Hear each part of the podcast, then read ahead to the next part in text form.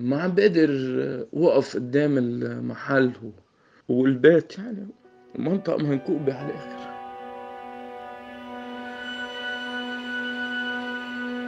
لبنان المنهك أصلا يتلقى ضربة موجعة بانفجار مرفأ بيروت. انهيار اقتصادي جوع يتربص ببلاد الأرز من شماله وحتى جنوبه. طائفية تلقي بظلالها على كافة مفاصل الحياة تفش لجائحة كورونا كوفيد 19 ثم انفجار مرفأ بيروت الذي حدث عصر يوم الثلاثاء الرابع من شهر آب أغسطس ليكمل الضربات الموجعة ويدمي جسد لبنان المنهك أصلاً. يوم أسود عاشته العاصمة اللبنانية بيروت بعد الانفجار الهائل الذي وقع في المرفأ وأدى إلى سقوط عشرات القتلى ومئات الجرحى وتسبب بموجة ذعر بين السكان وبدمار في كل أنحاء العاصمة. لم يتوقف صوت سيارات الإسعاف منذ وقوع الانفجار. وهي تجوب كافة أنحاء العاصمة ناقلة المصابين إلى المستشفيات بينما انتشرت صور مرعبة للدمار في كل مكان فيديوهات كثيرة تم تداولها عبر مواقع التواصل الاجتماعي تصور وقوع انفجار أول تلاه انفجار ضخم وتصاعد دخان كثيف غطى سماء المنطقة. بحسب المقاطع المصورة فقد دمرت آلاف المباني السكنية والمحلات التجارية بالإضافة إلى عدد هائل من المركبات في كافة أنحاء بيروت. فيما اكتظت المستشفيات في العاصمة اللبنانية بالمصابين وسط حاله من الفوضى والهلع سادت شوارع بيروت. المجلس الأعلى للدفاع المدني في لبنان أعلن بيروت مدينة منكوبة ورفع توصية إلى مجلس الوزراء لإعلان حالة الطوارئ وشكل لجنة تحقيق لترفع تقريرها خلال خمسة أيام. هذه الضربة القاصمه للبنان وشعبه كانت سببا في غياب البهجة في عيون وأصوات من عاش ومن سمع وحلت مكان الانفجار وحوله وأبعد أيضا غمامة من الضياع والأسى والعجز أمام هول الفاجعة. نحن في راديو الآن رصدنا لكم العديد من المواقف والأخبار وفي حلقة اليوم من بودكاست في عشرين دقيقة سنتوقف مع قصة من آلاف القصص التي حدثت بين لحظة ولحظة فارقة. كمال وهو ضيفي اليوم هو واحد من آلاف بل من مئات الآلاف من اللبنانيين الذين أضحوا اليوم بلا بيت، بلا سيارة، بلا مال، فقد ما جمعه في سني عمله ووقف ينظر إلى أطلال بيته المحاط بالغبار والحطام. كمال حنا صحفي لبناني قصته تشبه قصص الكثيرين ما سأفعله هو أني سأترك هذه العشرين دقيقة لكمال ليقص ما جرى في ساعات قليلة حولت بلدا واحلاما وامالا إلى غبار آه، بساعة الانفجار كنت متواجد بشارع اسمه مرمخيل الجميزة. هذا شارع كتير قريب على البور مرفق بيروت. اللي حصل أول شيء سمعت صوت انفجار كنت عم بحكي على التليفون وطلعت على البلكون. آه، بعد كذا لحظة طلع انفجار قوي كتير زتني. جيت على التخت عتمت الدنيا علي. بعدين قمت لقيت حالي ما بني شيء الحمد لله. بس البيت كان كله مكسر نزل كله الباب راح. الاغراض كلها نزلت. مشهد رهيب. أول شيء فكرت فيه أنا إنه انزل على الطريق. نزلت على الطريق. البناية كلها عم بتولول كانت وعلى الطريق لقيت جثة شخص. دراج هو كان. الحجار وقعانين عليه. البناية اللي بوجهنا انهارت كلها لأنه بناية قديمة أثرية. بهاي المنطقة في بنايات أثرية قديمة. حجارة يعني معمرة من زمان. بس صامدة يعني هي البنايات هو شارع ضيق كتير ضغط الانفجار كان قوى أنا رحت على المحل لأن في عندي محل صغير هو محل بيي نزلت عليه لقيته مكسر كله. طلعت لقيت واجهة المحل والإزاز فايتين لجوا. يعني أنا لو كنت قاعد جوا وعادة بقعد جوا وبهالوقت بكون بالمحل قاعد. يعني كنت توفيت من الشظايا اللي فاتوا لجوا.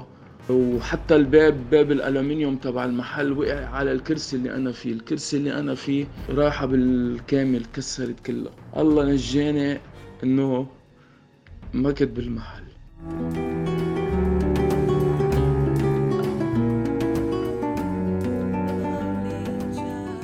رجعت نزلت آه، بين الصريخ والعيط وعالم عم عم تستنجد ببعضها وهيدي. سيارتي أنا قريب كتير على ال port. طلعت بهاللحظة لما نزلت لتحت كان كل شيء نازل حتى في كم شجرة نازلين وكذا وهيك. طلعت لقيت ال port كله مهدم مدمر كله. وسيارتي بوجه ال port لقيتها مكسرة وحالتها حالي ما كان في حدا من ميلة تحت من ميلة البور بس لقيت عسكري طالع بعتقد هو امن عام قلت له شو صار؟ شو صار؟ ما رد علي ابدا وضل مكمل. الجو الأول اللي كان لأنه أنا كنت على اتصال مع خيي بالتليفون وقت الانفجار. لما طلع أول انفجار طلع وراه صوت آه، يمكن استمر شي سبعة ثمان ثواني. هو صوت كأنه طيارة. أو ما بعرف إنه أنا قلت له بوقتها قلت له في صوت كأنه طيران. يمكن هذا جدار صوت. بعدين طلع الانفجار الثاني الانفجار الثاني قوي كتير بس ضل الاتصال مع خيي. ودغري أنا طمنت آه، عائلتي إنه بعدني منيح أنا. آه، لأنه خفت بوقتها ما يصير بغيبوبة. بس شفت حالي وطلعت على جسمي لقيت ماشي الحال. كان في آه، إسعافات ما عم تقدر تفوت على المنطقة. كان في ناس عم بتولول. اجوا ناس على الموتوسيكلات جربوا يشيلوا ناس بس كان في صعوبة كتير المرق المرق الطريق كان صعوبة كتير حقيقة. في ناس كتير كانت مشقفة آه، مش مشقفة الدم نازل منها كتير. وعالم آه، مثل ما بيقولوا نحن بالهيدي بيقول مسبوعة يعني متفاجئة كتير مذهولة. ما قادرة تحكي ما قادرة تهيدي. ما حدا عارف شي. والحقيقة هو ضليت مثلا أنا ما أعرف شيء حتى شفت المنظر الساعة واحدة بالليل على التلفزيون هو منظر الانفجار وأكيد لأنه انقطعت الاتصالات عن المنطقة.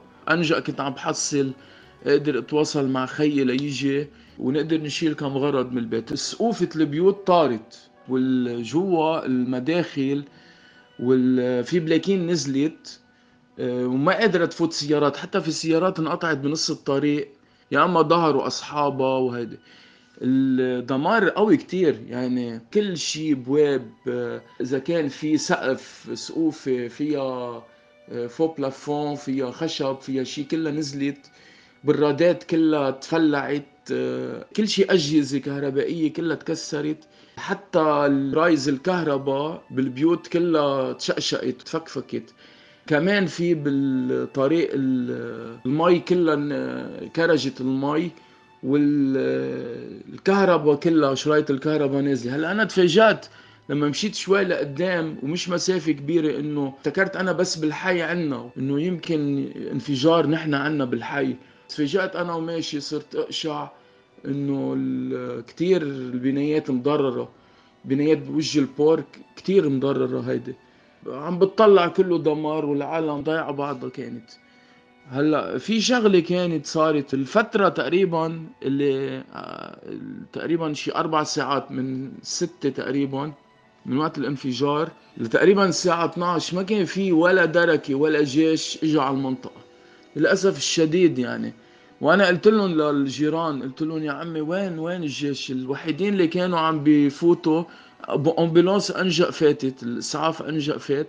آه، كان في ناس على الدراجات إجت وصارت آه، تجرب تنقل تشوف متقدمين بالسن تجرب تشوف ناس آه، كتير حالتها منيحة لأن في كتير كانوا عم يبكوا ما عم بيقدروا يحملوا الصدمة. الصدمة كانت كتير قوية. 12 بالليل لاجت دورية من الجيش صارت تمشي على الطريق يعني تعمل دورية مشاة. بهالوقت كان تقريبا كل واحد عم بيقدر يظهر عم بيظهر بيحمل كيس. يعني بيحمل حيالله شيء بيظهر. في ناس كانت آه، جربوا يوصلوا على البنايات العالية كانوا عم بيسألوا من تحت لأنه ما عم بيقدروا يفوتوا على المداخل لأنه في خطر انهيار. آه، كانوا عم بيسألوا إذا في ناس فوق. وصاروا شوي شوي يعني يعرفوا إنه هون في هون ما في. أنا ما شفت حدا من الصليب الأحمر مع إنه قالوا لي إنه في الصليب الأحمر قدر يفات على المطارح. اطفائية اجت اطفائية بيروت اجت وحدة قدرت تفوت على المنطقة. وكانت المنطقة فيها إشاعات كتير إنه في غاز آه، ممكن ينفجر وهيدي لأنه كله أب في أشياء أبت لبرا في أشياء فاتت لجوات الهيدي. نحن قعدنا فترة بالشارع ما عارفين شو صاير فعليا ومقطوعين عن الاتصالات نحن ما حطينا كمامات وبعدين بس رجعت سمعت أنا إنه هي هيدي مادة الأمونياك هيدي نيتراد الأمونيوم اللي انفجرت. وما شايفين أصلا المنظر. ما بعرف إذا هالشي رح يأثر على حالتنا الصحية. ما بعرف هالشي. واليوم رجعت أصلا نزلت لأنه في اغراض بدي اخذهم من البيت. للأسف كمان صار شغلة إنه الجيش تقريبا على الساعة عشرة لما نحن جربنا نطلع أول اغراض نطلعهم على السيارة اللي هي كانت بمطرح متقدم جدا تقريبا شي كيلومتر بعيدة. الجيش منعنا نفوت.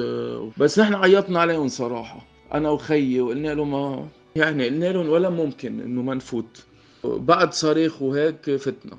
ما بعرف إذا بقي حدا من السكان بالمنطقة. بالليل أنا بسمع إنه مثلا فتحوا كنايس فتحوا مساجد كذا.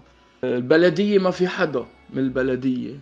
ما ما شفنا حدا من البلدية. ما حدا ما حدا من الأجهزة الرسمية كان موجود. يعني طيلة أنا لما فليت آه، تقريبا من الستة للهي تقريبا شي خمس ساعات ونص. ما في حدا كان بالهيدي. التفجيرات المروعة التي دمرت بيروت يوم الثلاثاء ستكون مدمرة في أي بلد ولكن في لبنان الهش البلد الذي يعاني من أزمة فعلية. هذا الانفجار قد يدفع البلاد إلى حافة الكارثة. هذا كله حسب ما يحذر الخبراء.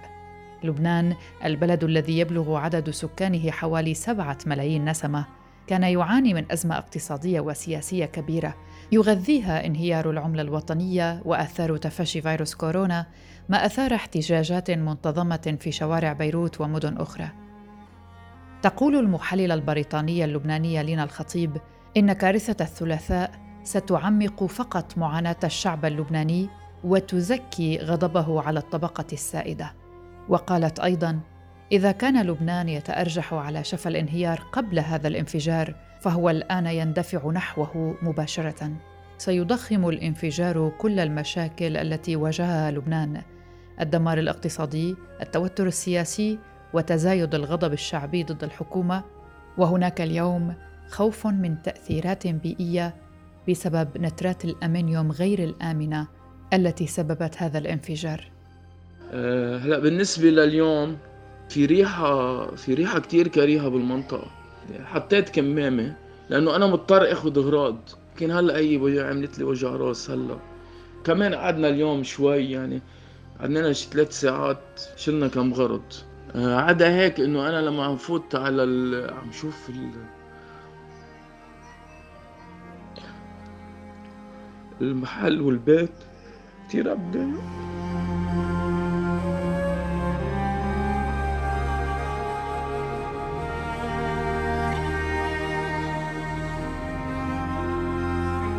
صعب أرجع لهونيك. هلأ بدي أقعد شي يومين. لأنه غير قصة الريحة ما بعرف شو هي هيدي المادة. ما عم بقدر وقف قدام المحل والبيت يعني منطقة منكوبة على الآخر.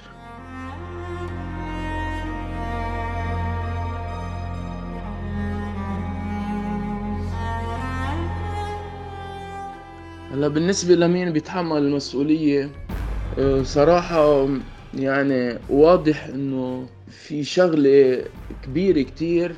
يعني يا في إهمال يا في كتير هيك شغلة خلوها متسيبة يا في صفقة إنه جربوا يعملوا صفقة بهيدي حسب يعني هلأ التقارير الأولية. يعني إنه إذا هاي المادة مثل ما عم بيقولوا مثل ما بقول رئيس الحكومة إنه متروكة من ست سنين بمرفق بيروت. يعني عملت مأساة ما ولا دولة شهدتها بالعالم ولا مدينة شهدتها بالعالم. واليوم أنا سمعت أخبار عم بيقولوا إنه في ناس انعطت إجازات بمرفق بيروت. آه، هن مسؤولين. ما بعرف شو عم بيصير صراحة بس آه، نحن بلبنان معودين على هيك إنه تلفلوا في القصص. بس هالمرة كتير يعني كتير الناس متأذية وصابت عدد كبير من الناس. آه، مش معقول إنه عدا إنه قصة لبنان كله لحديت هلا كل شيء عم بيصير بلبنان ما في أي مسؤول تلاحق. أو حتى استقال عدد كبير من المدراء أو قضاة. ما حدا استقال ما حدا عمل شيء. كمان بيجربوا يلفلفوا الأمور ودائما هالقصص بتصير. كتير كبيره المافيا بلبنان. كتير كبيرة هول الناس اللي مرتبطين بالسلطة. وهن آه، يعني بيديروا الدولة أو بيشتغلوا بالدولة أو بيستفيدوا منها. هيدي مشكلة كبيرة يعني صارت آه، وما حدا عنده جرأة وما حدا عنده نية يستقيل وما حدا عنده نية يعترف إنه هو مسؤول. هلأ هن أعطوا وقت لتحقيق آه، مدته خمسة أيام بس ما بعرف شو النتيجة اللي بيطلعوا منها. أكيد الأنقاض اللي اللي وقعانة والبنايات هيدي بدها أشهر وبدها سنين. ما بعرف بدها أسابيع وأشهر حتى تتزبط. مرفق بيروت حسب الدمار الموجود مش شغال عشر سنين.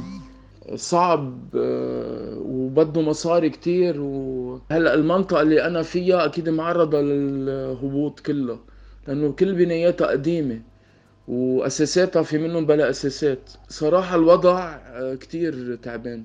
لبنان عم بيعاني كتير وهذا الانفجار آه، خلف مأساة كبيرة إلى عدد كبير من العالم يعني يمكن عشرات الألاف حتى ما نقول مئة ألف مئات الألاف. الله يساعدنا وما بعرف كيف. هلا أكيد الله بيعوض وهيك بس يعني هيدا فعل شيطاني كبير اللي انعمل إنه ينحط هيك مواد نيترات أمونيوم هاي بتستخدم بصنع المتفجرات تنترك سنين وتنحط قريب من البيوت وقريب من الشركات وقريب من مركز مركز حيوي مثل البور. اللي بفوت عليه كتير فيه كتير شغل ويعني غريبة جدا يعني يعني. أكيد بلا تدابير سلامة إذا هيدا المزبوط يعني هاي الخبرية مزبوطة ما في تدابير سلامة ما في شيء يعني. في شغلة أنا بدي ضوي عليها. إنه الناس بلبنان بآخر فترة من 17 تشرين لليوم كل يوم عم تحس كل يوم عن يوم عم تحس بيأس عن يوم عم تحس بيأس أكتر. وهيدي العالم آه، أغلبية وحتى قسم كبير من المثقفين واللي اشتغلوا على حالهم واللي عملوا أشغال وبنوا يعني ودرسوا. بتعرفي لبنان مع لبنان ثقافة شعبه عالي. هول كلهم عم بتساءلوا كانوا بالفترة الماضية عم يحكوا إنه كيف واحد بده يكون عنده مستقبل بهيدا البلد. وهلأ بهيدي الكارثة اللي صارت يعني بسبب إنه الوضع الاقتصادي التعبان والفساد واليوم الشيء اللي صار زاد عندهم هيدي ال... شو نحن قاعدين نعمل بهذا البلد؟ اللي ما اللي ما فيه شيء خير لشعبه. حقيقة يعني ما في خير. لا إذا اشتغلتي ولا إذا ما اشتغلتي ولا إذا عمرتي ولا إذا ما عمرتي. بتعمري من هون بعد كذا سنة بيروحوا وهلأ للأسف كمان بآخر فترة في غياب كبير يمكن بسبب الوضع الكورونا. في غياب كبير للدول. دول ما في ما حدا عم بيتدخل بلبنان. صار بلبنان سرقة كبيرة. يعني pardon يعني لو واحد يعني إذا بيسرق واحد cellulaire بيجيبوه بلبنان بيقولوا له أنت سرقت cellulaire ونحن بنحكمك سنتين. مثلا نيابة العامة بتاخذ هيدا عنا بالبلد البنوك سرقوا كل مال العالم. كل مال العالم سرقوه. وقرروا مثل ما بدهم يعملوا ويعطوا مثل ما بدهم وكذا. وما في واحد تحاسب. ما حدا قالوا له تعا يا خيي أنت مسؤول عن هذه السرقة. نحن بنحاكمك نحن بدنا نحقق معك. نحن بدنا نشوف شو كيف بدنا نتصرف معك. اللي صار ما حدا عم يتحمل مسؤوليته. شعب متروك نحن شعب متروك. إذا نحن نحن نحن ما زمطنا اعتبري مثلا جيل ما زمط جيل كبير ما زمط طب هيدا الجيل الصغير شو بده يعمل؟ كيف بده يعيش؟ ما في أي تصور ما في أي رؤية. كله معادات للشعب. السلطة عم تعادي الشعب. في قانون دولي بيقولوا إنه في سيادة للبنان إنه القانون الدولي ما بيتدخل بسيادة لبنان. بس ما عاد في سيادة بلبنان. ما عاد قصه سياده صار إنه الشعب عم بيموت بس. العالم كله عم يتفرج. وينه القانون الدولي بقصة المال الأموال والهيدي ليه ما الأمم المتحدة ما بتتحرك نعمل شيء كانت هذه حلقة من بودكاست في عشرين دقيقة. من إعدادي وتقديمي براء صليبي. إلى اللقاء.